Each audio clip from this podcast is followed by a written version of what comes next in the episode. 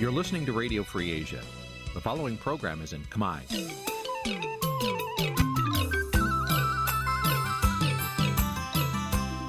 Nǐ chi càm bi tiệp xáy vệt chiu a zì sáy.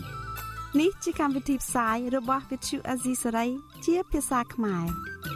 វត្តឈូអាស៊ីសេរីសូមស្វាគមន៍លោកអ្នកនាងទាំងអស់ពីរដ្ឋធានី Washington នៃសហរដ្ឋអាមេរិក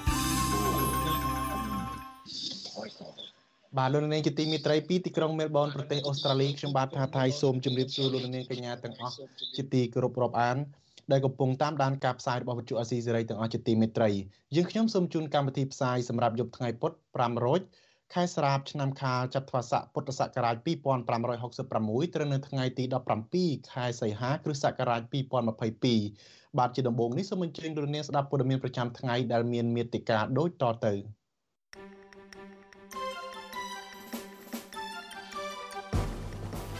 លោកវិទិតមុនតបនជួបពិភាក្សានឹងមេគណៈបកប្រឆាំងលោកកឹមសខាមេធាវីលោកកឹមសខាបន្តទៀមទាឲ្យតុលាការផ្ដាល់សេរីភាពកូនក្តីឡើងវិញអ្នកសារព័ត៌មាន VOD ក្រុងប្តឹងអង្គរៈលោកហ៊ុនសែនរឿងបង្កហិង្សា សង្គមស៊ីវិលរិះគន់អាជ្ញាធរខេត្តបាត់ដំបងធ្វើការរងចាំតែបញ្ជាដោយមិនដោះស្រាយបញ្ហាជូនប្រជាពលរដ្ឋរួមនឹងព័ត៌មានសំខាន់សំខាន់មួយចំនួនទៀត។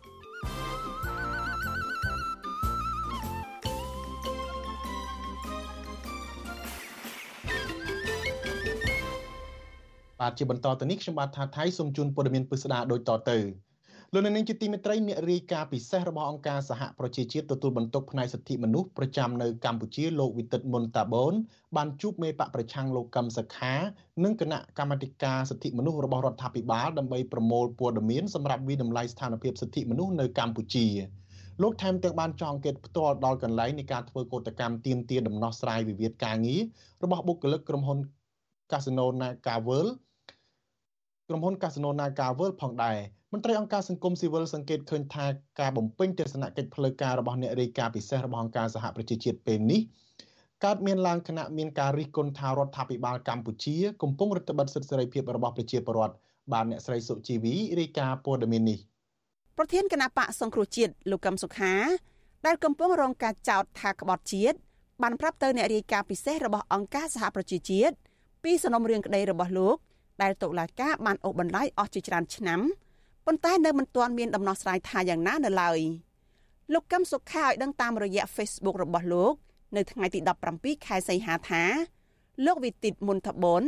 បានទៅជួបលោកដល់ផ្ទះរបស់លោក កាលពីថ្ងៃទី16ខែសីហាដើម្បីសម្ដែងការគួសមនិងចង់ដឹងពីការវិវត្តសំណុំរឿងរបស់លោកទោះយ៉ាងណាលោកកឹមសុខាមិនបានបញ្ជាក់ឲ្យស៊ីជម្រៅពីខ្លឹមសារនៃជំនួបនោះទេជុំវិញរឿងនេះវិទ្យុអាស៊ីសេរី នៅមិនទាន់អាចសុំការអធិប្បាយបន្ថែមពីអតីតប្រធានខុទ្ទកាល័យលោកកឹមសុខាគឺលោកមុតចន្ទថាបានទេនៅថ្ងៃទី17ខែសីហាក្រៅពីជួបមេដឹកនាំបកប្រឆាំងលោកកឹមសុខាលោកវិទិតមុនតបន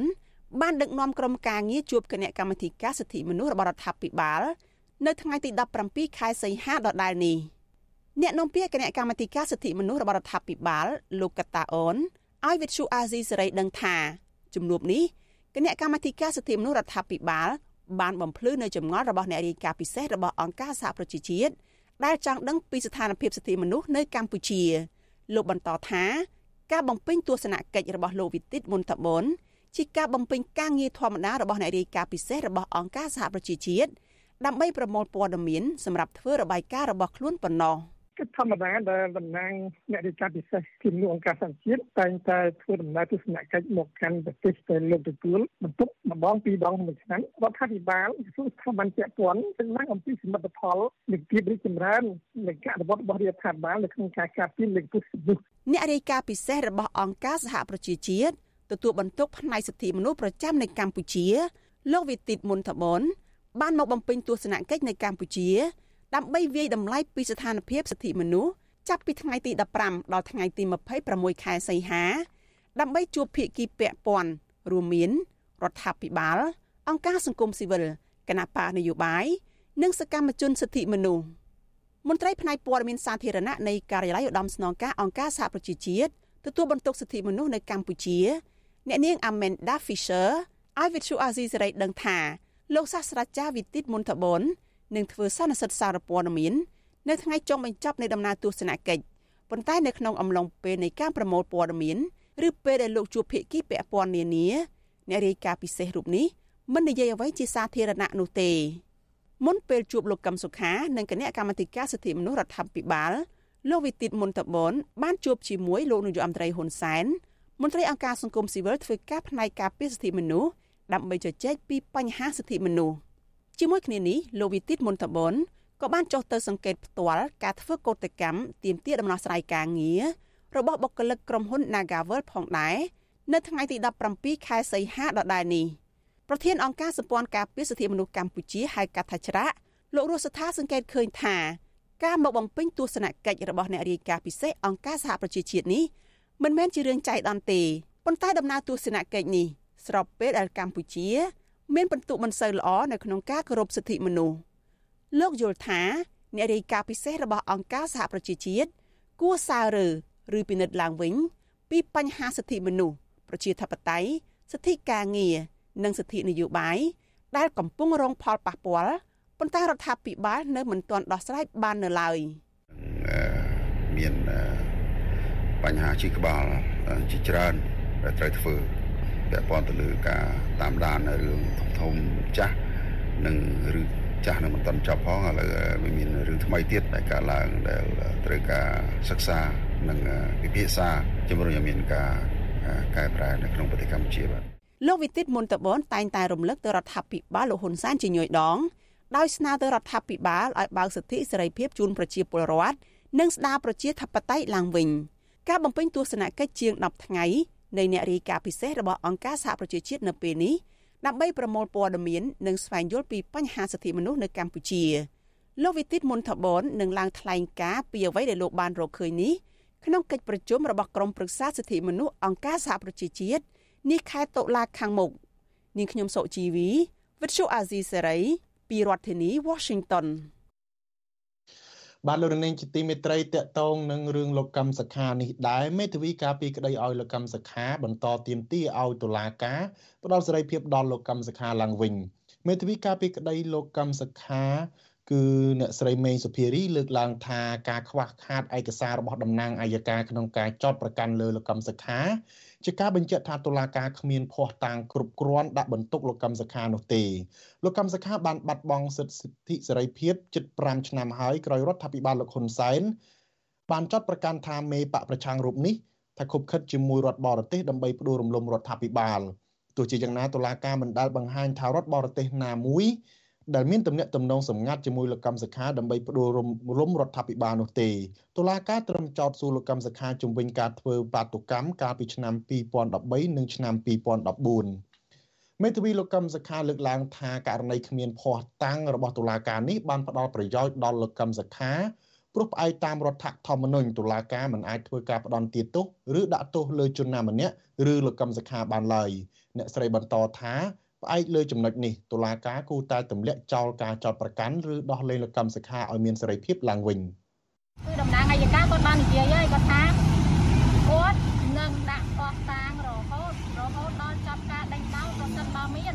មានន័យថាម៉េចមានន័យថាអ្វីអ្វីដែលមានពីមុនមកគឺអត់គ្រប់គ្រាន់ទេថ្ងៃនេះកន្លែងហ្នឹងឯងដែលបង្ហាញចំពោះថាគ្រប់គ្រាន់ទេហើយបើប៉ះតាគ្រប់គ្រាន់ទេតាមច្បាប់រដ្ឋធម្មនុញ្ញរបស់យើង គឺថា38ចែងថាម៉េចថាវិមតិសង្ស័យជាប្រយោជន៍ជនជាប់ចាប់អញ្ចឹងវិមតិសង្ស័យនោះមានន័យថាម៉េចមានន័យថារាល់ការចាត់ប្រកាន់ទាំងឡាយណាបើនៅសល់ចំណុចសង្ស័យគឺអត់អាចធ្វើការដាក់ទោសដល់ជាទោសឬក៏ចាត់ប្រកាន់អីបានទេអ្នកស្មីអ្នកស្រីមេងសុភារីលើកឡើងដូចនេះក្រោយចប់សវនាការលើកទី52នៃការជំនុំជម្រះក្តីលោកកម្មសខានៅថ្ងៃទី17សីហា សវនាការលោកកម្មសខាលើកនេះក៏មិនខុសពីពេលមុនមុនដែរគឺមានភាពតានតឹងរវាងមេធាវីការពីក្តីលោកកម្មសខានិងតំណាងអัยការរហូតដល់ពេលខ្លះលោកកម្មសខាប្រាសិទ្ធិមិនឆ្លើយតបនៅសំណួររបស់តំណាងអัยការអ្នកខ្លំមើលថាតំណាងអัยការសួរសំណួរលោកកម្មសខាដោយចង់ច្របាច់កលោកដើម្បីបានចម្លើយតុលាការនឹងបន្តសវនាការលើសំណុំរឿងលោកកម្មសខានៅថ្ងៃទី24ខែសីហាសប្តាហ៍ក្រោយទៀត។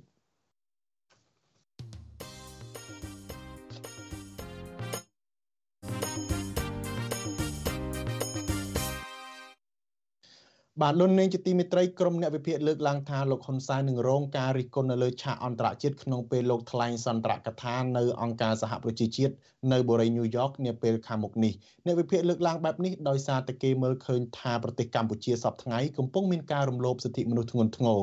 បាទលោកយ៉ងច័ន្ទរារាយការណ៍ព័ត៌មាននេះលោកនាយរដ្ឋមន្ត្រីហ៊ុនសែនបានប្រកាសថាលោកនឹងត្រូវធ្វើដំណើរទៅសហរដ្ឋអាមេរិក នៅថ្ងៃទី23ខែកញ្ញាខាងមុខដើម្បីឡើងថ្លែងសន្ទរកថាដោយផ្ទាល់នៅអង្គការសហប្រជាជាតិអ្នកវិភាគមើលឃើញថាមេដឹកនាំកម្ពុជារូបនេះនឹងទទួលរងការរិះគន់ពីសហគមន៍អន្តរជាតិជាពិសេសពីប្រទេសដែលប្រកាន់យកលទ្ធិប្រជាធិបតេយ្យអ្នកឯកទេសខាងវិទ្យាសាស្ត្រនយោបាយនិងទំនាក់ទំនងអន្តរជាតិសាស្ត្រាចារ្យអែមសវណ្ណារាប្រាប់វិទ្យុអាស៊ីសេរីនៅថ្ងៃទី17ខែសីហាថា កម្ពុជានឹងរងការរិះគន់ពីអង្គការសហប្រជាជាតិសហភាពអឺរ៉ុបនិងសហរដ្ឋអាមេរិកដោយសារតែបរិយាកាសសិទ្ធិមនុស្សហាក់គ្មានភាពប្រសើរឡើងបើប្រៀបធៀបទៅនឹងឆ្នាំមុនមុនលោកលើកឡើងទៀតថាបញ្ហារំលោភសិទ្ធិមនុស្សគឺជាជំងឺរ៉ាំរ៉ៃ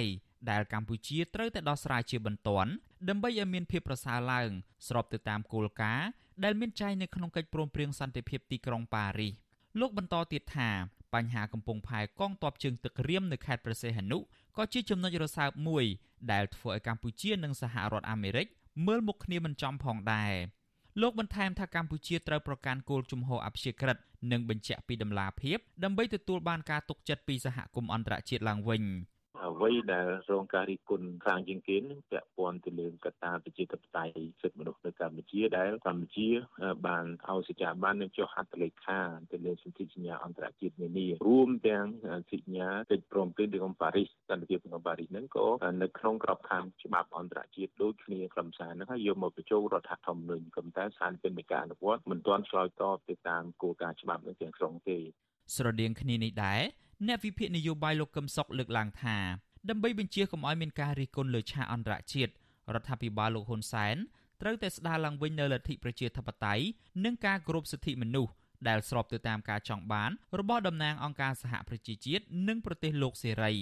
លោកបន្តថាការស្ដារឡើងវិញនេះគឺត្រូវចាប់ផ្ដើមពីការសម្រួលដល់ការប្រើប្រាស់សិទ្ធិរបស់ប្រជាពលរដ្ឋដោយគ្មានការគំរាមកំហែងណាមួយពីអាជ្ញាធរ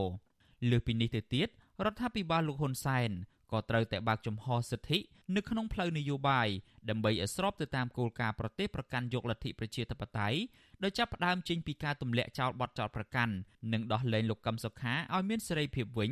ដើម្បីឲ្យលោកបានចូលប្រឡូកក្នុងឆាកនយោបាយ។ ប្រសិនបើលោកហ៊ុនសែនមិនចាប់ផ្ដើមផ្ដល់សិទ្ធិសេរីភាពនយោបាយដល់លោកកឹមសុខាឲ្យបានចូលរួមការបោះឆ្នោតឆ្នាំ2023ទេលោកហ៊ុនសែនធ្វើដំណើរទៅដល់ទឹកដីប្រជាធិបតេយ្យណាក៏ដោយក៏គាត់រងការដាស់តឿនឲ្យស្ដារលទ្ធិប្រជាធិបតេយ្យនិងការកែលម្អស្ថានភាពសិទ្ធិមនុស្សនៅប្រទេសកម្ពុជាឡើងវិញដែរ វិទ្យុអាស៊ីសេរីនៅពុំទាន់អាចតាក់ទងប្រធានអង្គភិបអ្នកណែនាំពាក្យរដ្ឋាភិបាលគឺលោកផៃស៊ីផានដើម្បីឆ្លើយតបទៅនឹងការលើកឡើងទាំងនេះបាននៅឡើយទេនៅថ្ងៃទី17ខែសីហារដ្ឋាភិបាលលោកហ៊ុនសែននិងមន្ត្រីក្រាក់ក្រាក់មួយចំនួនបានទទួលរងទណ្ឌកម្មពីសហភាពអឺរ៉ុបនិងសហរដ្ឋអាមេរិកជាបន្តបន្ទាប់រួចមកហើយដោយសារតែទង្វើរំលោភសិទ្ធិមនុស្សធ្ងន់ធ្ងរជាប្រព័ន្ធបន្ទាប់ពីប្រទេសប្រជាធិបតេយ្យទាំងនោះបានរកឃើញថា លោកហ៊ុនសែននិងមន្ត្រីជាន់ខ្ពស់របស់លោកមានជាប់ពាក់ព័ន្ធទៅនឹងទង្វើរំលោភសិទ្ធិមនុស្សការរំលោភអំណាចនិងការប្រព្រឹត្តអំពើពុករលួយក្នុងនោះមានជាប់ពាក់ព័ន្ធនឹងគម្រោងសាងសង់កំពង់ផែកងទ័ពជើងទឹករៀមនៅខេត្តព្រះសីហនុផងដែរអង្គការសហប្រជាជាតិនិងសហគមន៍អន្តរជាតិបន្តព្រួយបារម្ភអំពីការរអិលថយក្រោយនៃលទ្ធិប្រជាធិបតេយ្យនៅកម្ពុជានេះពីព្រោះពួកគេដឹងថាមានតែការស្ដារប្រជាធិបតេយ្យឡើងវិញទេ ទើបជាដំណោះស្រាយវិបត្តិចាក់ស្រេះផ្សេងផ្សេងទាំងឡាយនៅកម្ពុជា និងនៅក្នុងតំបន់ខ្ញុំយ៉ងច័ន្ទដារាវិទ្យុអាស៊ីសេរីរាយការណ៍ពីរដ្ឋធានី Washington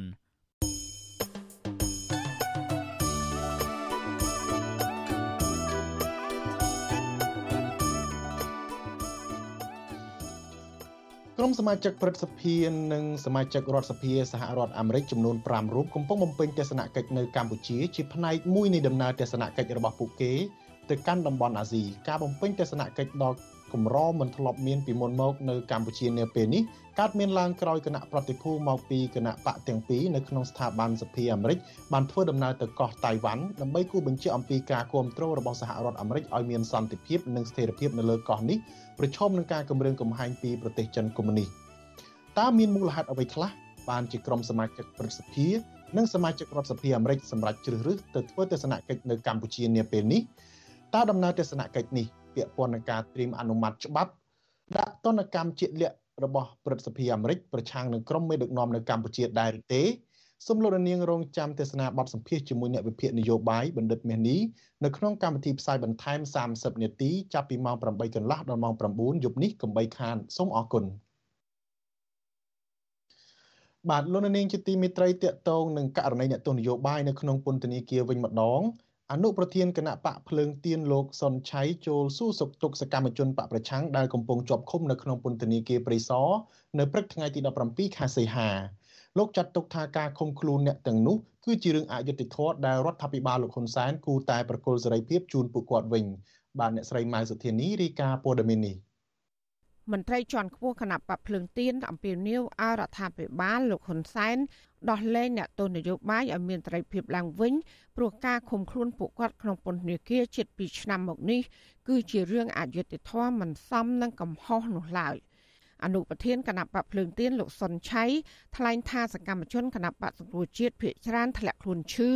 និងមានអារម្មណ៍ធុញថប់ដោយសារពួកគាត់ជាប់ឃុំក្នុងបន្ទប់ចង្អៀតណែននិងគ្មានអនាម័យហើយនៅក្នុងមន្ទីរឃុំឃាំងជាមួយអ្នកទោសអក្រិតលួចប្លន់ផ្សេងផ្សេងអរយៈពេលជិត2ឆ្នាំ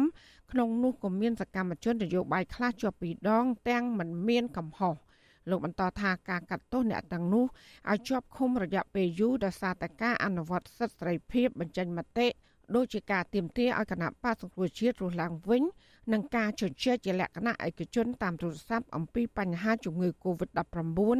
គឺជារឿងអយុត្តិធម៌រួចទៅហើយលោកសុនឆៃយល់ថាផ្អែកតាមច្បាប់និងសិលធម៌ រដ្ឋាភិបាលគួរតែប្រកួតត្រីភាពជូនពួកគាត់ឡើងវិញព្រោះគ្មានអ្វីដែលត្រូវបារម្ភថាពួកគាត់អាចបង្កបញ្ហាដល់សង្គមជាតិនោះឡើយ។ ចង់ឃើញរដ្ឋាភិបាលនឹងទូបន្ថយទោសពួកគាត់បានរស់នៅក្រៅពន្ធនាគារវាជាការមួយដែលមានប្រយោជន៍ទាំងអស់គ្នាទេក្នុងស្ថានភាពដែលរដ្ឋាភិបាលកំពុងជួយដោះស្រាយបញ្ហាសមាជិកអាស៊ានដូចជាភូមាអីដែលចង់បន្ធូរបន្ថយឲ្យមានការសោះស្រួលឬក៏កុំឲ្យមានការដាក់ទោសដាក់ពេចំពោះអ្នកនយោបាយអីជាដើមនោះខ្ញុំថាគឺជាកាតព្វកិច្ចមួយដែរដែលរដ្ឋាភិបាលត្រូវទៅដោះស្រាយបញ្ហាខ្លួនឯងនោះនៅក្នុងស្រុកយើងនោះឲ្យជ្រះស្រឡះដើម្បីដំណើរការទៅការបោះឆ្នោត2023 3ផងមានលក្ខណៈសំខាន់ណាដោយយើងឃើញហើយមានការសន្យាពីសហគមន៍អន្តរជាតិផងថាការបោះឆ្នោតល្អការមានសេរីភាពរបស់ពលរដ្ឋក្នុងការបំពេញកិច្ចការនយោបាយដោយសេរីតាមគោលការណ៍លទ្ធិប្រជាធិបតេយ្យសេរីពហុបកហ្នឹងវានឹងអាចធ្វើឲ្យប្រទេសសំខាន់សំខាន់ដែលធ្លាប់ជួយដល់សេដ្ឋកិច្ចកម្ពុជានិងការកសាងឡើងវិញនៃប្រទេសកម្ពុជាយើងដូចជាសហរដ្ឋអាមេរិកនិងសហគមន៍អឺរ៉ុបហ្នឹងនឹងអាចនឹងផ្ដល់ការជួយគ្រប់គ្រងត្រឡប់មកវិញ100%ជាដើមការអំពាវនាវបែបនេះ ក៏នៅបន្ទាប់ពីអនុប្រធានគណៈបកភ្លើងទៀនលោកសុនឆៃនិងមេធាវីការពីក្តីឲ្យសកម្មជននយោបាយលោកសំសុគង្គព្រមទាំងមន្ត្រីគណៈបកភ្លើងទៀនផ្សេងទៀតបានចូលសួរសុខទុក្ខសកម្មជនបពប្រឆាំងចំនួន23រូបនៅក្នុងពន្ធនាគារព្រៃសរនៅព្រឹកថ្ងៃទី17ខែសីហាលោកសុនឆៃឲ្យដឹងដែរថាក្នុងចំណោមអ្នកទស្សនយោបាយដែលលោកបានជួបនោះគឺមានស្ត្រីម្នាក់គឺអ្នកត្រីយុនាង មានវ័យជាង60ឆ្នាំ ដែលជាអតីតប្រធានចលនាស្ត្រីគណៈបកសង្គ្រោះជាតិប្រចាំរាជធានីភ្នំពេញត្រូវបានអាជ្ញាធរចាប់ខ្លួននៅមុនការបោះឆ្នោតឃុំសង្កាត់ដោយសារតែអ្នកស្រីធ្វើសកម្មភាពជួយដល់គណៈបកភ្លើងទៀត យើងបានជម្រាបលោកស្រីយុវនាងដែរថាយើងនឹងខិតខំតាមតែអាចធ្វើបានដើម្បីជួយឲ្យបានលោកស្រីចេញទៅព្រោះចាស់ហើយមានចៅមានអីនៅផ្ទះហ្នឹងហើយពិបាកមែនទែនទឹកភ្នែកយំសោកខ្លាំងណាស់អាណិតគាត់ដែរហើយយើងក៏ឲ្យមេធាវីដែរជួយមើលថាគួរសម្របសម្រួលយ៉ាងម៉េចឲ្យបានគាត់ចេញទៅអានេះជាបំណងប្រាថ្នារបស់យើងគឺមិនមែនតែចង់ឲ្យអ្នកទាំងនោះចេញមកពីពន្ធនាគារមកមកចូលរួមជាមួយនឹងគណៈបកភ្លើងទៀនអីទេ ប៉ុន្តែដោយសារពួកគាត់នឹងវាជាអតីតសង្គ្រោះជាតិខ្ញុំក៏ធ្លាប់ជាសង្គ្រោះជាតិដែរជុំវិញរឿងនេះវិទ្យុអសីស្រីមិនអាចតាក់ទងសុំការឆ្លើយតបពីប្រធានអង្គភិបអ្នកនាំពាក្យរដ្ឋាភិបាលលោកផៃស៊ីផាន និងអ្នកនាំពាក្យក្រសួងយុតិធម៌លោកជីនម៉ាលីនបានទេដោយទូរស័ព្ទហៅចូលពុំមានអ្នកទទួលមកដល់ពេលនេះមានសកម្មជនគណបកប្រឆាំងនិងអ្នករិះគន់រដ្ឋាភិបាលប្រមាណ60នាក់ កំពុងជាប់ឃុំក្នុងពន្ធនាគារនៅភ្នំពេញនិងនៅខេត្តមួយចំនួនសកម្មជនភៀសច្រើនត្រូវបានអាជ្ញាធររបបក្រុងភ្នំពេញ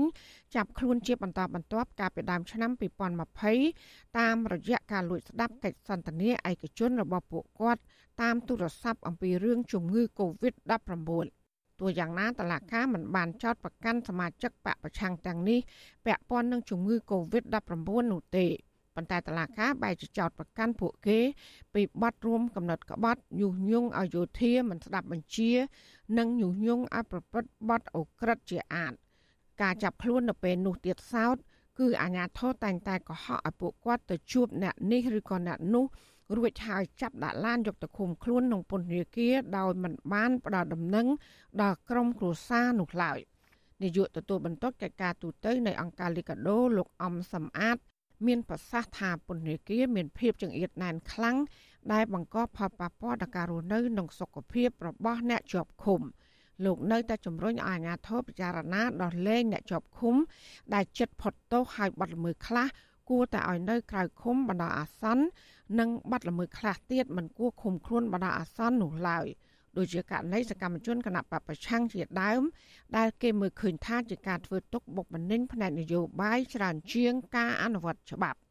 យើងទទូចឲ្យអ្នកនយោបាយទាំងអស់ហ្នឹងសន្ទនានឹងការចរចាគ្នាដើម្បីដោះលែងអតីតសកម្មជនទាំងអស់នឹងឡើងវិញដោយបបធរសន្ទនាឬក៏បបធរដែលអ្នកនយោបាយខ្មែរធ្លាប់ដោះស្រាយពីមុនពីមុនមកហើយមួយទៀតយើងឃើញថាបច្ចុប្បន្ននេះសហគមន៍អន្តរជាតិដូចសហរដ្ឋអាមេរិកសហគមន៍អឺរ៉ុបនិងបណ្ដាប្រទេសផ្សេងៗហ្នឹងក៏ទាមទារឲ្យកម្ពុជាយើងស្ដារបានន័យថាបើកលំហសេរីភាពជាមូលដ្ឋានរបស់ពលរដ្ឋសេរីភាពអង្គការសង្គមស៊ីវិលសារព័ត៌មានក៏ដូចជាសេរីភាពនយោបាយឲ្យបានរួមទលាឡើងវិញដើម្បីឈ្មោះទៅរកការបោះឆ្នោតជាតិឆ្នាំ2023ខាងមុខនេះប្រកបដោយបរិយាកាសមួយល្អគេអាចទទួលស្គាល់ក្រុមអង្គការជាតិនិងអន្តរជាតិរួមទាំងប្រទេសប្រជាធិបតេយ្យផង តែងតែអំពាវនាវអរដ្ឋាភិបាលដោះលែងសកម្មជននយោបាយឡើងវិញដោយឥតលក្ខខណ្ឌពីព្រោះការបន្តចាប់ខ្លួននិងឃុំខ្លួនសកម្មជនបពប្រឆាំងទាំងនោះមិនមែនជាជំរឿល្អក្នុងការដោះស្រាយបញ្ហានោះទេ តែផ្ទុយទៅវិញរឹតតែធ្វើឲ្យប្រទេសជាតិជួបវិបត្តិកាន់តែធ្ងន់ធ្ងរបន្ថែមទៀតព្រមទាំងធ្វើឲ្យសង្គមជាតិទាំងមូលបែកបាក់កាន់តែខ្លាំងឡើងចាននាងខ្ញុំម៉ៃសុធានីវិទ្យុអាស៊ីសេរីប្រធានាធិបតី Washington បាទលោកនាងជាទីមេត្រីក្នុងឱកាសនេះដែរខ្ញុំបាទសូមថ្លែងអំណរគុណដល់លោកនាងកញ្ញាទាំងអស់ដែលតែងតែមានភក្ដីភាព ចំពោះការផ្សាយរបស់យើងហើយចាត់ទុកការស្ដាប់វិទ្យុអាស៊ីសេរីជាផ្នែកមួយនៃសកម្មភាពប្រចាំថ្ងៃរបស់លោកអ្នកនាងការគ្រប់គ្រងរបស់លោកអ្នកនាងនេះហើយដែលធ្វើឲ្យយើងខ្ញុំមានទឹកចិត្តកាន់តែខ្លាំងថែមទៀតក្នុងការស្វែងរកនិងផ្ដល់ព័ត៌មានជូនលោកអ្នកនាងមានអ្នកស្ដាប់អ្នកទេសនាកាន់តែច្រើនកាន់តែធ្វើឲ្យយើងខ្ញុំមានភាពស្វាហាប់មោះមុតបន្តទៀត ក្នុងការផ្ដល់ព័ត៌មានយើងខ្ញុំសូមអរគុណទុកជាមុនហើយសូមអញ្ជើញលោកនាងកញ្ញាចូលរួមជំរុញឲ្យសកម្មភាពផ្ដល់ព័ត៌មានរបស់យើងនេះកាន់តែជោគជ័យបន្ថែមទៀតលោកនាងអាចជួយយើងតាមដោយគ្រាន់តែចុចចែករំលែកឬ share ការផ្សាយរបស់យើងនៅលើបណ្ដាញសង្គម Facebook និង YouTube ទៅកាន់មិត្តភ័ក្តិដើម្បីឲ្យការផ្សាយរបស់យើងបានទៅដល់មនុស្សកាន់តែច្រើនសូមអរគុណ បាទលោកនាងជាទីមេត្រីអ្នកសារព័ត៌មានវិទ្យុសំឡេងប្រជាធិបតេយ្យ VOD ម្នាក់ក្រុងប្តឹងបរិសម្នាក់ដែលប្រើហិង្សាមកលើរូបលោកហើយតាំងខ្លួនថាជាកងអង្គរៈរបស់លោកនាយករដ្ឋមន្ត្រីហ៊ុនសែន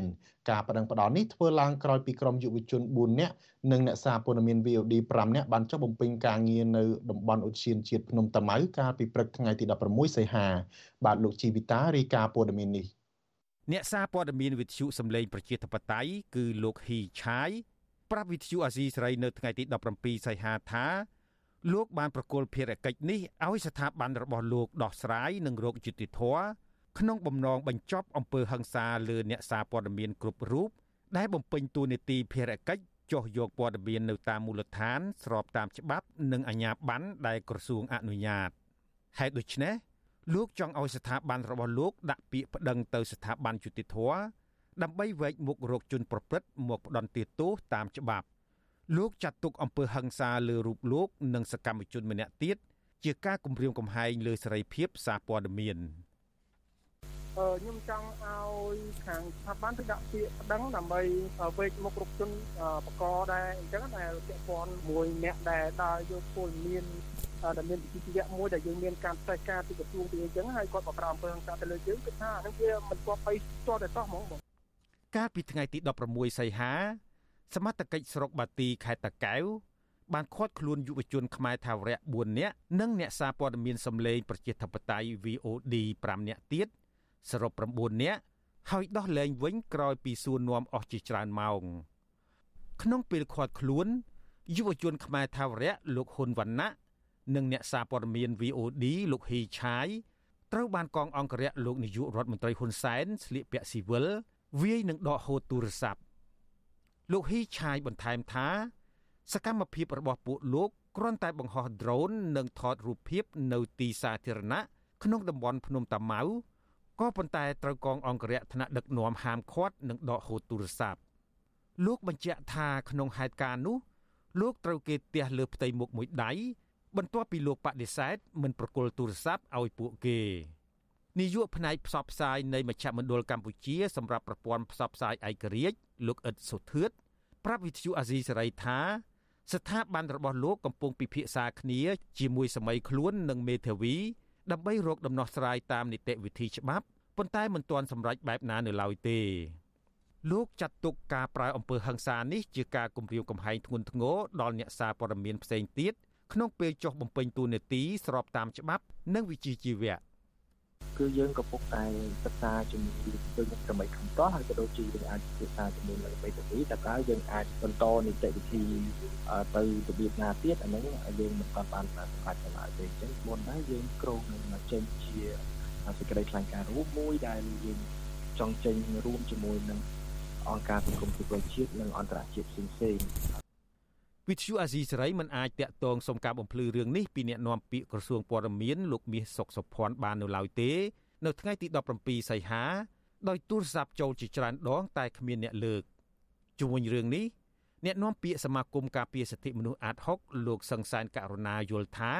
កងកម្លាំងប្រដាប់អាវុធគួរតែប្រកាន់ខ្ជាប់នៅទូនីតិភារកិច្ចឲ្យបានត្រឹមត្រូវតាមច្បាប់និងក្រមសីលធម៌មិនគួរយកអំណាចប្រើប្រាស់អំពើហិង្សាបំពានច្បាប់នោះទេ លោកទៀមទាឲ្យស្ថាប័នពាក់ព័ន្ធមានចំណាត់ការផ្នែកច្បាប់ដល់ជនបង្កហេតុដើម្បីផ្ដល់យុត្តិធម៌ដល់ជនរងគ្រោះ និងបញ្ឈប់វប្បធម៌ហិង្សាបែបនេះដើម្បីឲ្យពលរដ្ឋមានជំនឿចិត្តលើប្រព័ន្ធយុត្តិធម៌ ហើយចង់ឃើញចំណាត់ការហ្នឹងផ្ដល់នៅភាពយុត្តិធម៌ដើម្បីបង្ហាញអំពីការយកចិត្តទុកដាក់ក្នុងការជំរុញនិងអនុវត្តច្បាប់ហ្នឹងឲ្យវាមានប្រសិទ្ធភាពហើយផ្ដល់នៅជំនឿចិត្តមកដល់ប្រជាពលរដ្ឋក៏ដូចជាសាធារណជនដែលគេចង់ឃើញថាអ្នកដែលកាន់ទទួលនីតិដែលមានឋានៈបុណ្យស័ក្តិឬក៏ជាកងកម្លាំងហ្នឹងទទួលនៅការដាក់ទោសទណ្ឌតាមផ្លូវច្បាប់តាក់ទងនឹងរឿងដាំកូនឈើឡើងវិញនៅតំបន់ភ្នំតាម៉ៅ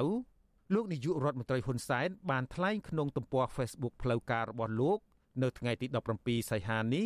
ថាលោកបានបញ្ជាឲ្យកម្លាំងកងអង្គរៈជាង1000នាក់និងគ្រឿងចាក់113គ្រឿងជួយដាំកូនឈើប្រណិតឲ្យបានឆាប់បំផុត លោកបញ្យលបន្ថែមថា តំបន់ភ្នំតាម៉ៅត្រូវតែរក្សាទុកជាតំបន់អភិរក្ស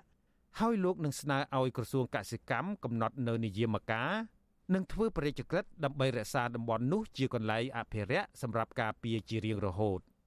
ក៏មានការសង្ស័យពីមជ្ឈដ្ឋានមួយចំនួន ដែលយល់មិនដល់បញ្ហា ហើយធ្វើការវិនិច្ឆ័យដោយឆាប់រហ័សថាដីនេះនឹងត្រូវក្លាយទៅជាដីរបស់ឯកជនខ្ញុំប្រកាសណាខ្ញុំសូមបញ្ជាក់សារជាថ្មីថាតំបន់ភ្នំតាម៉ៅត្រូវតែរក្សាទុកជាព្រៃនិងដីអភិរក្សកាលពីថ្ងៃទី7ខែសីហា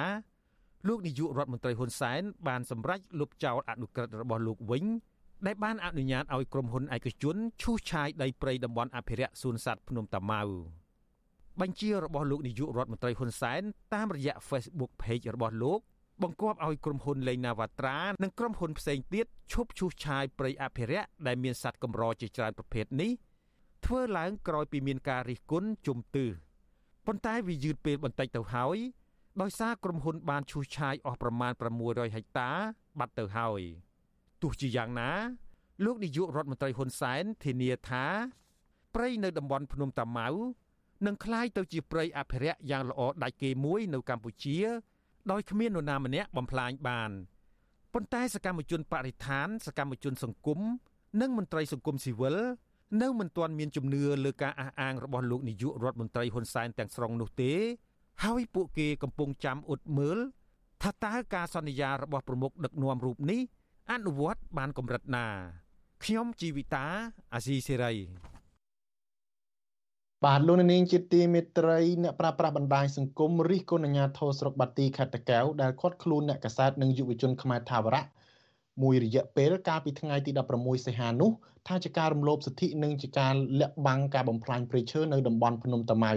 តែទោះជាយ៉ាងណាសមត្ថកិច្ចស្រុកបាទីខេត្តតាកែវបានដោះលែងយុវជនខ្មែរថាវរៈ4នាក់និងអ្នកសារព័ត៌មានសម្លេងប្រជាធិបតេយ្យ VOD 5នាក់ទៀតសរុប9នាក់មកវិញកាលពីល្ងាចថ្ងៃទី16សីហាដដែលនោះក្រោយពីខាត់ខ្លួនយកទៅសួរនាំនៅអធិការស្រុកបាទីអស់រយៈពេលជាច្រើនម៉ោងបាទលោកសេកបណ្ឌិតសូមដកស្រង់នៅទស្សនៈមតិឬ comment មួយចំនួននៅលើបណ្ដាញសង្គម Facebook ជុំវិញរឿងនេះដូចតទៅបាទលោកអ្នកនាងកញ្ញាជាទីមេត្រី ម្ចាស់កេរនី Facebook មួយដែលដាក់ឈ្មោះថាប៉ាជាអ៊ីនបានបញ្ចេញទស្សនៈជុំវិញករណីឃាត់ខ្លួនអ្នកកសែតនិងយុវជនខ្មែរថាវរៈដោយបបផែតទៅមើលស្ថានភាពវិវត្តចុងក្រោយនៃការវិនិយោគដោយកាប់បំផ្លាញព្រៃឈើដ៏មានតម្លៃនៅតំបន់ភ្នំតាម៉ៅនោះប៉ាជីនបញ្ចេញមតិជុំវិញរឿងនេះនិងមានចម្ងល់ថាស្រុកយើងមិនធ្វើអីប្លែកប្លែកម្លេះអាអ្នកបំផ្លិចបំផ្លាញមិនទៅខាត់ខ្លួន ទៅខាត់អ្នកការពារនិងអ្នកកាសែតទៅវិញដោយឡែកម្ចាស់កេរនី Facebook មួយទៀតឈ្មោះ Winnie Win បានដាក់ជាសំណួរយ៉ាងខ្លីថាចាំមើលគេធ្វើមិនទៀតតាក់តោនឹងរឿងនេះដែរម្ចាស់ករណី Facebook មួយទៀតឈ្មោះនងសួង បានបន្តហាក់ជាចង់អស់សំណោចថា ថ្មីទៀតហើយសុករំដួលដោយឡែកម្ចាស់ករណី Facebook ឈ្មោះកូនខ្មែរបាភ្នំ បានសរសេរបន្តថា អ្នកការពារព្រៃឈើត្រូវចាប់ខ្លួនរីឯអ្នកបំផ្លាញព្រៃឈើត្រូវរួចខ្លួនទៅវិញអត់យល់សោះស្រុករំដួលខ្ញុំម្ចាស់កេរនី Facebook មួយទៀតឈ្មោះរៀកមូនីដួងក៏បានបញ្ចេញទស្សនៈជុំវិញរឿងរ៉ាវនៅភ្នំតាម៉ៅនោះដែរដោយគាត់សង្ស័យលើការវិនិយោគនៅតំបន់ភ្នំតាម៉ៅនោះថាអាចមានអ្នកធំមានអំណាចនៅពីក្រោយខ្នងគាត់បានសរសេរឆ្លើយតបនឹងករណីនេះយ៉ាងដូចនេះ ថាឲ្យថា ដីនឹងគាត់នឹងជាអ្នកយកមែនគ្រាន់តែឲ្យអុកញ៉ាសបនិមិត្តលេងនវត្រា ជាអ្នកដើរតួសម្ដែង តាមពិតអ្នកយកដីនោះគឺជាអ្នកមានអំណាចមហិមានៅក្នុងស្រុកខ្មែរចំណែកម្ចាស់ករណី Facebook មួយទៀតឈ្មោះថា ជាងស៊ីធីកក៏បានដាក់ការសង្ស័យដែរថា ចាប់លែងចាប់លែង ដោយបង្កើតព្រឹត្តិការណ៍ដើម្បីបង្វែរចំណាប់អារម្មណ៍របស់ប្រជាពលរដ្ឋកុំឲ្យគិតរឿងអ្វីមួយអញ្ចឹងបាទឆ្លើយតបនឹងរឿងនេះដែរម្ចាស់ករណី Facebook មួយឈ្មោះ Linda Linda បានសរសេរថាព្រៃឈូឆាយហើយ មកធ្វើរបងពាត់ជុំវិញទៀតតើដល់ឆ្នាំ2023រួចឈូបន្តទៀតឬដោយឡែកម្ចាស់ករណី Facebook ឈ្មោះឈៀនឈៀនបែបខ្ជិលនិយាយច្រើនដោយគាត់គ្រាន់តែសរសេរខ្លីថា ខ្លានៅពីក្រោយឆ្មា បន្ថែមពីលើនេះគាត់បានដាក់រូបភាពជាគំនូឡានដឹកឈើហុបចេញ រួចមានបរិមម្នាក់ដឹកកូនឈើចូលទៅ ទំនងជាយកទៅដាំ នៅកន្លែងដែលគេកាប់ឈើធំធំ ហើយដឹកចេញយកទៅបាត់នោះហើយស្រដៀងគ្នានេះដែរម្ចាស់ករណី Facebook ឈ្មោះរោឆនបានបន្តថា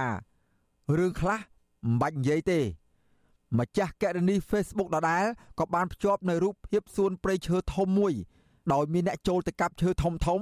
ហើយមានអ្នកប្រឹងដាំកូនឈើនៅកន្លែងដែលគេកាប់នោះឡើងវិញចំណែកម្ចាស់ករណី Facebook មួយទៀតឈ្មោះរស្មី TK បានសម្ដែងការងឿងឆ្ងល់ជុំវិញករណីវិនិស្សកម្មព្រៃឈើនៅតំបន់ភ្នំតាម៉ៅនោះថាអត់យល់ពីការដឹកនាំរបស់ខ្មែរសពថ្ងៃនេះ ដែលចាប់តែអ្នកការពារផលប្រយោជន៍ជាតិហើយបែរជាលើកទោសគ្រប់យ៉ាងទៅដល់ពួកមនុស្សបំផ្លាញប្រទេសបំផ្លាញផលប្រយោជន៍សង្គមទៅវិញ ម្ចាស់កេរនី Facebook មួយនេះក៏បានសរសេរបែបចំអកដែរថាអរគុណសន្តិភាព សម្រាប់ពួកដេមាត់ឆ្លើយតបនឹងម្ចាស់កេរនី Facebook នេះម្ចាស់កេរនី Facebook មួយទៀតឈ្មោះ Bonol Proel អាងថាអ្នកចាប់និងអ្នកបំផ្លាញក្រុមតែមួយកុំឆ្ងល់អីអញ្ចឹងហើយបានគេចាប់តែអ្នកដែលរារាំងការបំផ្លាញដែលជាគោលដៅរបស់គេ ចំណែកឯម្ចាស់កេរនី Facebook មួយទៀតឈ្មោះខៀនណារី ក៏ចូលរួមមតិដែរថា សង្គមនេះ ពិតជាព្រៃផ្សៃមែន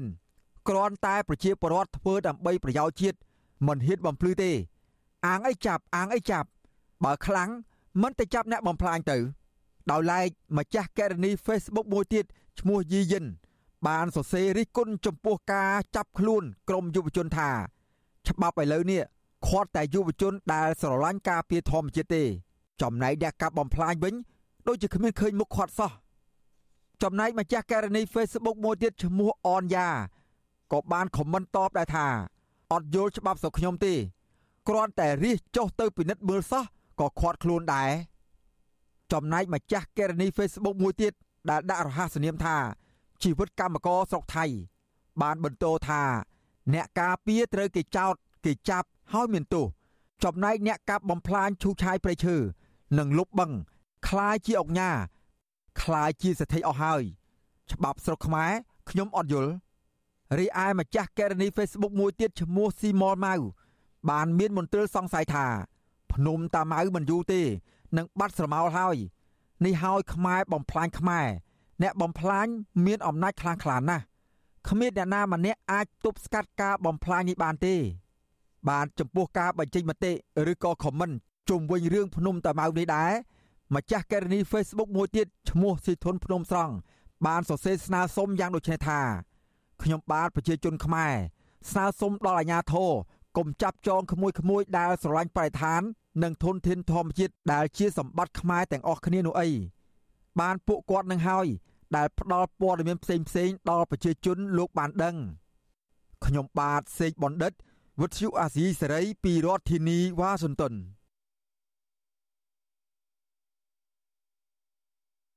បាទលោកនាងជាទីមេត្រីតកតងនឹងរឿងនេះដែរយើងបានភ្ជាប់ Skype ដើម្បីសម្ភារបន្ថែមជាមួយនឹងប្រធានសមាគមសម្ព័ន្ធអ្នកសារព័ត៌មានកម្ពុជាគឺលោកណូវីបាទសូមជម្រាបសួរលោកណូវីបាទបាទសូមជម្រាបសួរពីចម្ងាយបាទបាទអឺលោកណូវីសុខសប្បាយទេបាទ បាទសុខទុក្ខធម្មតាបាទអរគុណច្រើន សម្រាប់ការសួរសុខទុក្ខបាទគ្រាន់តែថាมันសូវជារីករាយប្រហែលទេដោយសារដូចលោកបានជ្រាបអំពីព្រឹត្តិការណ៍ដែលអ្នកយកព័ត៌មានទៅតែបានរាយការណ៍មុននេះតកតងជាមួយនឹងការខាត់ខ្លួនអ្នកសារព័ត៌មានហើយនឹងការរដ្ឋបတ်ចំពោះការអនុវត្តសេរីភាពរបស់អ្នកសារព័ត៌មានមួយចំនួនដែលកំពុងតែកើតមានឡើងនៅក្នុងប្រទេសកម្ពុជាបាទ បាទតើការរដ្ឋបတ်ការធ្វើទុកបុកម្នេញទៅលើអ្នកសារព័ត៌មាននឹងមានស្ថានភាពធ្ងន់ធ្ងរប៉ុណ្ណាទៅជាពិសេសករណីជាក់ស្ដែងដែលកើតឡើងកាលពីម្សិលមិញដែលមានការ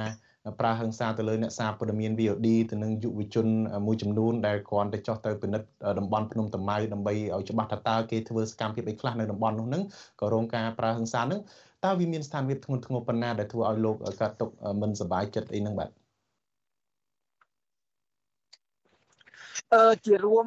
ជារួមយើងបាន សង្កេតឃើញថាអឺមានការខាត់ខ្លួន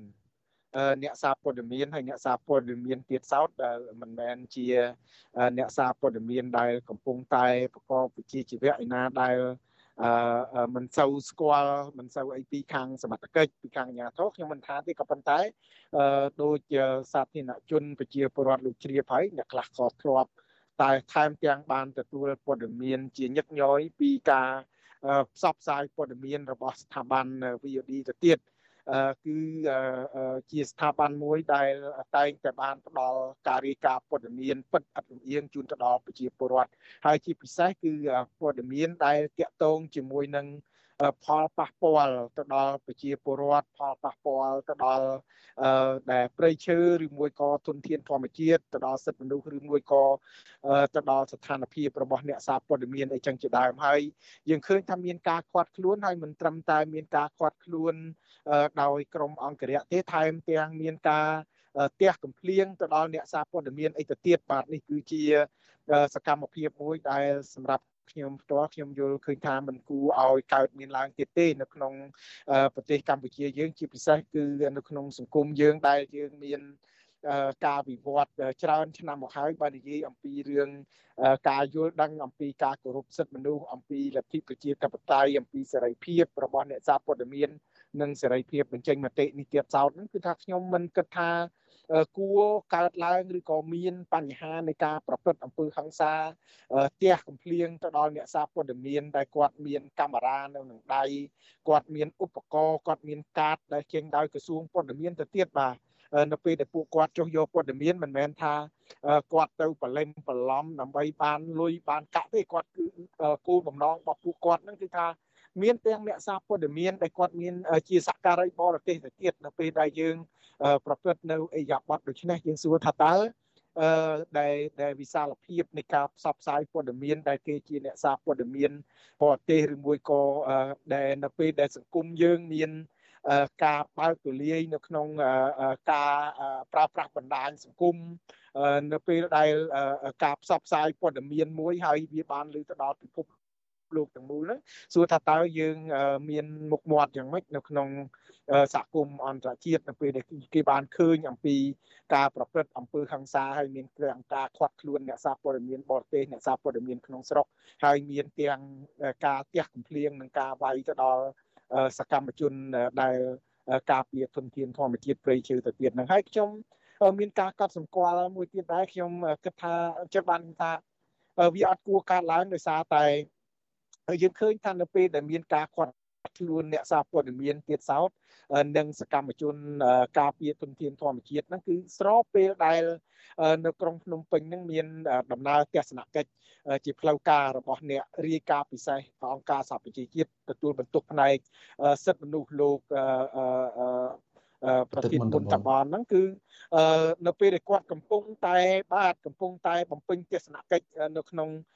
ក្រុងភ្នំពេញជួបជាមួយនឹងខាងគណៈកម្មការសិទ្ធិមនុស្សរបស់រដ្ឋាភិបាលហើយស្របពេលជាមួយគ្នានឹងក៏មានដំណើរទស្សនកិច្ចរបស់សមាជិករដ្ឋសភាសមាជិកព្រឹទ្ធសភា សហរដ្ឋអាមេរិកនៅក្នុងប្រទេសកម្ពុជាយើងទៅទៀតហើយជួបជាមួយនឹងខាងតំណាងនៃ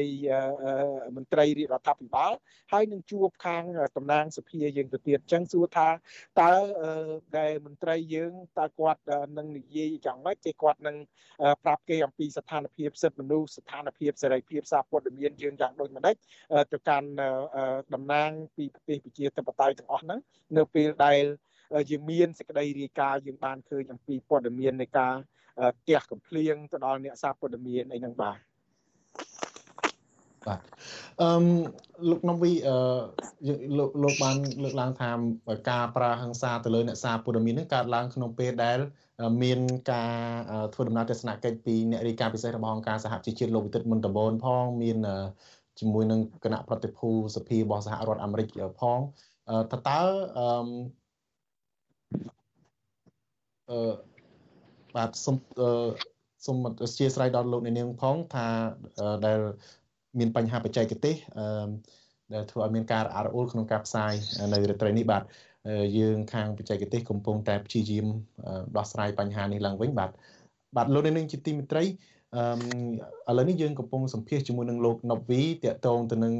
ការដែលមានអំពើហិង្សាទៅលើអ្នកសារព័ត៌មានក្នុងពេលដែលពួកគាត់ចុះទៅបំពេញទស្សនកិច្ចនៅឯតំបន់ភ្នំតាម៉ៅដែលកំពុងមានការឈូសឆាយហើយមានការដាំដើមឈើឡើងវិញលោកណូវីខ្ញុំចង់សួរសំណួរទៅលោកដែរដោយសារតែឃើញលោកបានជួបជាមួយនឹងអឺ គណៈប្រតិភូរបស់សមាជិកសភាអាមេរិកមានព្រឹទ្ធសភាអាមេរិកអីជាដើមតើតើលោកបានលើកឡើងពីបញ្ហានេះទៅជម្រាបពួកគាត់ដែរទេហើយពួកគាត់មានការឆ្លើយតបបែបណាដែរបាទអ្នកតំណាងមកពីប្រទេសប្រជាធិបតេយ្យគេឲ្យតម្លៃខ្ពស់ណាស់ ចំពោះការងាររបស់អ្នកសារព័ត៌មាន ហើយខ្ញុំគិតថាការយល់ឃើញនេះគឺមិនខុសពីថ្នាក់ដឹកនាំរដ្ឋាភិបាលកម្ពុជាប្រមាណទេយើងឃើញនៅក្នុងជំនួបជាមួយនឹងអ្នកសារព័ត៌មានរៀងរាល់ឆ្នាំគឺសម្ដេចនាយករដ្ឋមន្ត្រីហ៊ុនសែនក៏ដូចជាអាយដាមហ៊ុនម៉ាណែតកាលពីពេលថ្មីថ្មីនេះលោកផ្ដល់តម្លៃខ្ពស់ទៅដល់កិច្ចការងារអ្នកសារព័ត៌មានគាត់បានលើកឡើងអំពីថាអ្នកសារព័ត៌មានគឺជាដៃគូមិនអាចខ្វះបានហើយចំណុចនេះខ្ញុំបានជួបជាមួយនឹងសមាជិករដ្ឋសភាក៏ដូចជាសមាជិកព្រឹទ្ធសភាសហរដ្ឋអាមេរិកហើយខ្ញុំបានឃើញគាត់និយាយដូចគ្នាអញ្ចឹងគាត់និយាយអំពីទួលនីតិដ៏ចាំបាច់របស់អ្នកសារព័ត៌មាននៅក្នុងសង្គមប្រជាធិបតេយ្យទួលនីតិរបស់អ្នកសារព័ត៌មាននៅក្នុងការបង្ហាញនៅអំពី អំពីស្ថានភាពអំពីការពិតដែលកើតមានឡើងនៅក្នុងសង្គមនៅក្នុងការជំរុញឲ្យមានយុត្តិធម៌សង្គមនៅក្នុងការជំរុញឲ្យមានដំណើរការនៃការគោរពសិទ្ធិមនុស្សហើយនិងសេរីភាពបញ្ចេញមតិជាដើមអញ្ចឹងនេះគឺជាអ្វីដែលពួកគាត់លើកឡើងឲ្យពួកគាត់មានការស្ញប់ស្ញែងកោតសរសើរណាស់ចំពោះកិច្ចការងាររបស់អ្នកសារព័ត៌មានដោយបង្ហាញអំពីទួនាទីសំខាន់អញ្ចឹងហើយអ្វីដែលយើងបានលើកឡើងខ្ញុំបានបង្ហាញអំពី ស្ថានភាពនៃការអនុវត្តការងាររបស់អ្នកសារព័ត៌មានហើយក៏ខ្ញុំបានបង្ហាញអំពីការរំពឹងទុកនៅអ្វីដែលយើងចង់ឃើញថាភាពជាដៃគូរវាងអ្នកសារព័ត៌មានកម្ពុជា ជាមួយនឹងរដ្ឋាភិបាលនឹងអាចចូលរួមជាមួយគ្នាយ៉ាងដូចម្ដេចដើម្បីធ្វើឲ្យមានការវិវត្តដំណើរការល្អហើយជាពិសេសគឺថាធ្វើឲ្យ ការចូលរួមរបស់អ្នកសារព័ត៌មាននឹងគឺថាបានពេញលេញនៅក្នុងដំណើរការនៃការផ្ដល់ជូននៅព័ត៌មានពិតជូនទៅដល់ប្រជាពលរដ្ឋនេះគឺជាអ្វីដែលយើងបានលើកឡើងក៏ប៉ុន្តែយើងដឹងហើយថាដូចជាទស្សនកិច្ចនៅថ្ងៃនេះរបស់លោកមុនតាបនអញ្ចឹងគឺយើងឃើញហើយយើងអត់មានអីទៅត្រូវលាក់បាំងកើតទេដោយសារអីអីដោយសារដូចគាត់អញ្ចឹងគាត់អញ្ជើញទៅមើលផ្ទាល់ហ្មងនៅក្នុងការធ្វើ កោតកម្មរបស់នយោជិតនៅក្រុមក្រុមហ៊ុន Nagavel យើងឃើញគាត់ទៅមើលផ្ទាល់ហើយយើងទៅដែលនេះវាបង្ហាញថាមិនចាំបាច់ទៅខាងតំណាងអង្គការសង្គមស៊ីវិលទៅនិយាយទៅបង្ហាញទេហើយខ្ញុំចង់សង្កត់ធ្ងន់ត្រង់ចំណុចមួយថាអ្វីដែលជាការលើកឡើងនៅការព្រួយបារម្ភរបស់អង្គការសង្គមស៊ីវិលមិនមែនជារឿងដែលយើងត្រូវបន្តបង្អាប់សង្គមរបស់យើងទេមិនមែនជារឿងដែល យើងចង់ឃើញសង្គមយើងហ្នឹងគឺមានដំណើរការមួយធ្លាក់ទៅរកភាពមហន្តរាយមានអំពើអយុត្តិធម៌នៅក្នុងសង្គមមានការរំលោភសិទ្ធិមនុស្សធ្ងន់ធ្ងរដែលធ្វើឲ្យអាប់មុខអាប់មាត់សង្គមយើងនៅលើឆាកអន្តរជាតិទេអ្វីដែលអង្គការសង្គមស៊ីវិលអ្វីដែលសមាគមអ្នកសារព័ត៌មានយើងខំប្រឹងប្រែងបច្ចុប្បន្នយើងចង់បង្ហាញនៅព័ត៌មានពិតជូនទៅដល់ថ្នាក់ដឹកនាំយើងចង់ឃើញថាថ្នាក់ដឹកនាំហ្នឹងគឺថា យកចិត្តទុកដាក់នៅក្នុងការដោះស្រាយនៅក្នុងការឆ្លើយតបដើម្បីធានាអំពីស្ថិរភាពនៃការអភិវឌ្ឍធានាថាមិនមានប្រជាពលរដ្ឋដែលរងគ្រោះដែលកើតចេញពីការអភិវឌ្ឍទាំងអស់ហ្នឹងធានាថាសង្គមរបស់យើង មានដំណើរការអភិវឌ្ឍប្រកបដោយចីរភាពហើយមានការគោរពសិទ្ធិមនុស្សនិងមានដំណើរការប្រជាធិបតេយ្យបានកាន់តែល្អប្រសើរនេះគឺជាអ្វីដែលជាការរំពឹងទុករបស់យើងដែលកើតចេញពី ការប្រឹងប្រែងនៃកិច្ចការងាររបស់យើងជារៀងរាល់ថ្ងៃហ្នឹងអញ្ចឹងហើយបានយើងតែងតែអំពាវនាវតែងតែទទូចឲ្យរដ្ឋាភិបាលមើលឲ្យឃើញថាអង្គការសង្គមស៊ីវិលសមាគមអ្នកសារព័ត៌មានអ្នកសារព័ត៌មានគាត់បង្ហាញនៅព័ត៌មានពិតជូនទៅដល់ថ្នាក់ដឹកនាំហើយគាត់គឺជាដៃគូមួយដែលបើសិនជាអត់មានដៃគូដែលជាអ្នកសារព័ត៌មានឯករាជ្យទាំងអស់នឹងទេរដ្ឋាភិបាលនឹងមិនទទួលបាននៅអ្វីដែលជា ព័ត៌មានពិតអ្វីដែលជាបញ្ហាដែលកើតមានឡើងនៅក្នុងសង្គមទេពីព្រោះយើងដឹងហើយថាស្ថានភាពនៃប្រព័ន្ធផ្សព្វផ្សាយដែលមាននិន្នាការគ្រប់គ្រងរដ្ឋាភិបាលកុំថាឡើយផ្សព្វផ្សាយព័ត៌មានដែលកើតឡើងពីការតវ៉ាដែលជាបញ្ហារបស់សង្គមសូម្បីតែនិយាយអីមួយដែលមានផលប៉ះពាល់តិចតួចទៅដល់រដ្ឋាភិបាលទៅដល់ថ្នាក់ដឹកនាំហ្នឹងក៏គាត់មិនថែមមិនមិនទាំងហ៊ាននិយាយផងបាទបាទបាទ អរគុណលោកណូវីដែលបានឆ្លើយក្បោះក្បាយហើយយើងសូមអធិស្ឋានដល់លោកអ្នកស្ដាប់ម្ដងទៀតដោយសារតែមានបញ្ហាបច្ចេកទេសដែលធ្វើឲ្យមានការរអាក់រអួលក្នុងការផ្សាយនៅរាត្រីនេះមានទាំង ដែលមិនឃើញសំឡេងនិងដែលមិនឮសំឡេងនិងមិនឃើញរូបភាពបាទឥឡូវនេះខាងបច្ចេកទេសបានប្រាប់ថាមកធម្មតាឡើងវិញហើយបាទដូច្នេះយើងនឹងបន្តជជែកពិភាក្សាទៀតហើយឥឡូវនេះយើងកំពុងតែជជែកជាមួយនឹងលោកណូវីប្រធានសមាគមអ្នកសារព័ត៌មានសម្ព័ន្ធអ្នកសារព័ត៌មានកម្ពុជាពាក់ព័ន្ធទៅនឹងការធ្វើទុកបុកម្នេញទៅលើអ្នកសារព័ត៌មានលោកណូវីអឺឥឡូវនេះករណីហិង្សាទៅលើអ្នកសារព័ត៌មាននេះមានការ អះអាងថាគឺជាអង្គរៈរបស់លោកនាយករដ្ឋមន្ត្រីហ៊ុនសែនតែម្ដងតើតើអឺលោកណប់វីវិញថាគូខាងសមាគមរបស់លោកនឹងមានការជួយបែបណាដែរក្នុងការស្វែងរកយុត្តិធម៌ក្នុងការផ្ដល់ជំនួយទៅដល់អ្នកសារព័ត៌មានពីព្រោះគាត់ថាគាត់ចង់បានយុត្តិធម៌ចង់ប្តឹងអីទៅលើអង្គរៈលោកនាយករដ្ឋមន្ត្រីហ៊ុនសែនផងបាទខ្ញុំយល់ឃើញថាដំណើរការផ្លូវច្បាប់វាគួរតែមានហើយ យើងកោតទោសចំពោះជនដៃដល់ដែលប្រើអំពើហិង្សានៅក្នុងសង្គមណាក៏ដោយដែលមានការប្រើអំពើហិង្សាគឺយើងមិនមានលទ្ធផលមួយដែលអាចជួយលើកស្ទួយនៅយុត្តិធម៌សង្គមហើយអាចនឹងបង្កឲ្យមានអំពើអយុត្តិធម៌នឹងកាន់តែច្រើនសម្រាប់ខ្ញុំ ខ្ញុំគ្រប់គ្រងឲ្យយើងប្រើប្រាស់យន្តការផ្លូវច្បាប់ហើយយើងបើទោះបីជាយើងដឹងថាប្រព័ន្ធយុត្តិធម៌នៅក្នុងប្រទេសយើងហ្នឹងគឺថាมันជាទីទុកចិត្តរបស់ប្រជាពលរដ្ឋរបស់សាធារណជនជាពិសេសជនដែលមិនមានអំណាចជនដែលទុនខ្សោយក៏ដោយក៏ប៉ុន្តែយើងត្រូវតែធ្វើឲ្យប្រកាសថាយើងអនុវត្តទៅតាមអ្វីដែលមានចែងនៅក្នុងច្បាប់យើងត្រូវតែទៀមទាឲ្យមាន ការស៊ើបអង្កេតឲ្យមានការស្រាវជ្រាវបើទោះបីជា មានការស៊ើបអង្កេតមានការស្រាវជ្រាវឬមួយក៏មិនមាន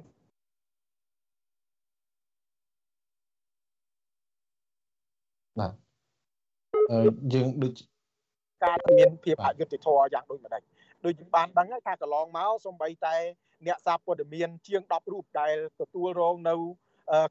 ការធ្វើឃាតកន្លងមកហ្នឹងគឺថាពួកគាត់ក្រុមគ្រួសារគាត់នៅទន្ទឹងរង់ចាំ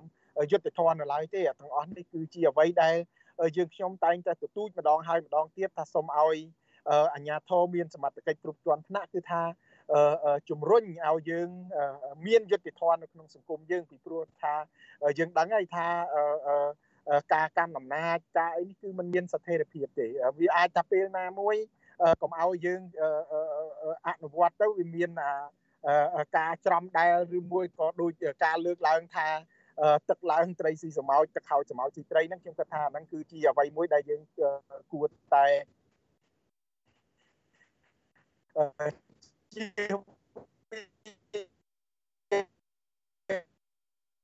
បាទបាទ បាទ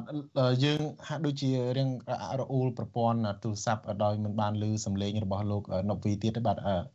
សូមអរគុណលោកណប់វីដែលបានចូលរួមជាមួយយើងនៅរាត្រីនេះបាទឥឡូវនេះយើងបញ្ចប់កិច្ច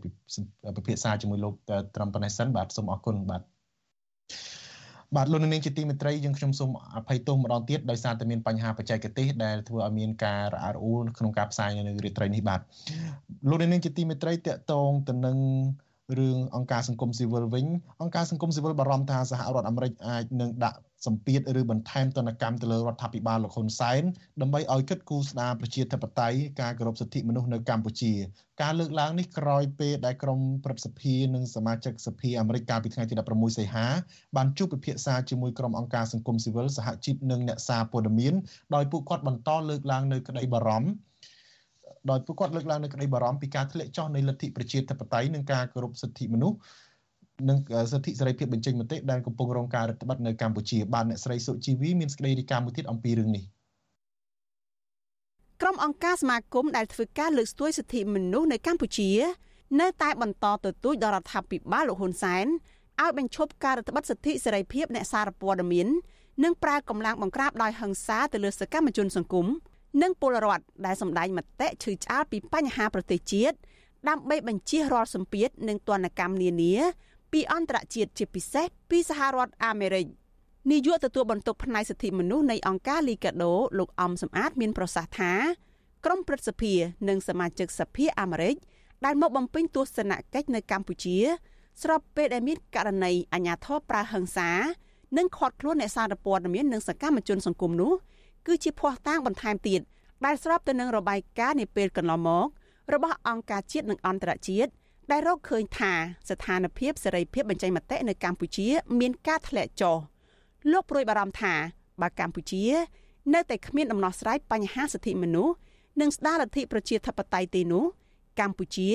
អាចប្រឈមនឹងការដាក់ទណ្ឌកម្មសេដ្ឋកិច្ចបន្ថែមទៀត។ ទស្សនវិជ្ជាការលើអ្នកសារព័ត៌មានកម្មជនបរិស្ថានសាមញ្ញហ្នឹងគឺជាការណូតបន្ថែមទៀតក្រៅតែអំពីការពេលវេលាឲ្យមានការបើកទូលាយនិងលើកកម្ពស់ទៅលើលំហសេរីភាពទាំងអស់ហ្នឹងអញ្ចឹងយើងមានការបារម្ភដែរពីព្រោះសហគមន៍អឺរ៉ុបមុនពេលបោះឆ្នោតក្រុមប្រឹក្សាឃុំសង្កាត់សភាសហគមន៍អឺរ៉ុបបានអនុម័តញត្តិដើម្បីតាមដានការវិវត្តឬក៏វឌ្ឍនភាពសិទ្ធិមនុស្សនៅកម្ពុជាបើសិនជាមិនមានអ្វីក្នុងការកែប្រែទៅលើការកែលម្អសិទ្ធិមនុស្សដូចជាលទ្ធិជាតិតបតែនៅកម្ពុជាទេគេនឹងពិនិត្យបន្ថែមទៀតទៅលើ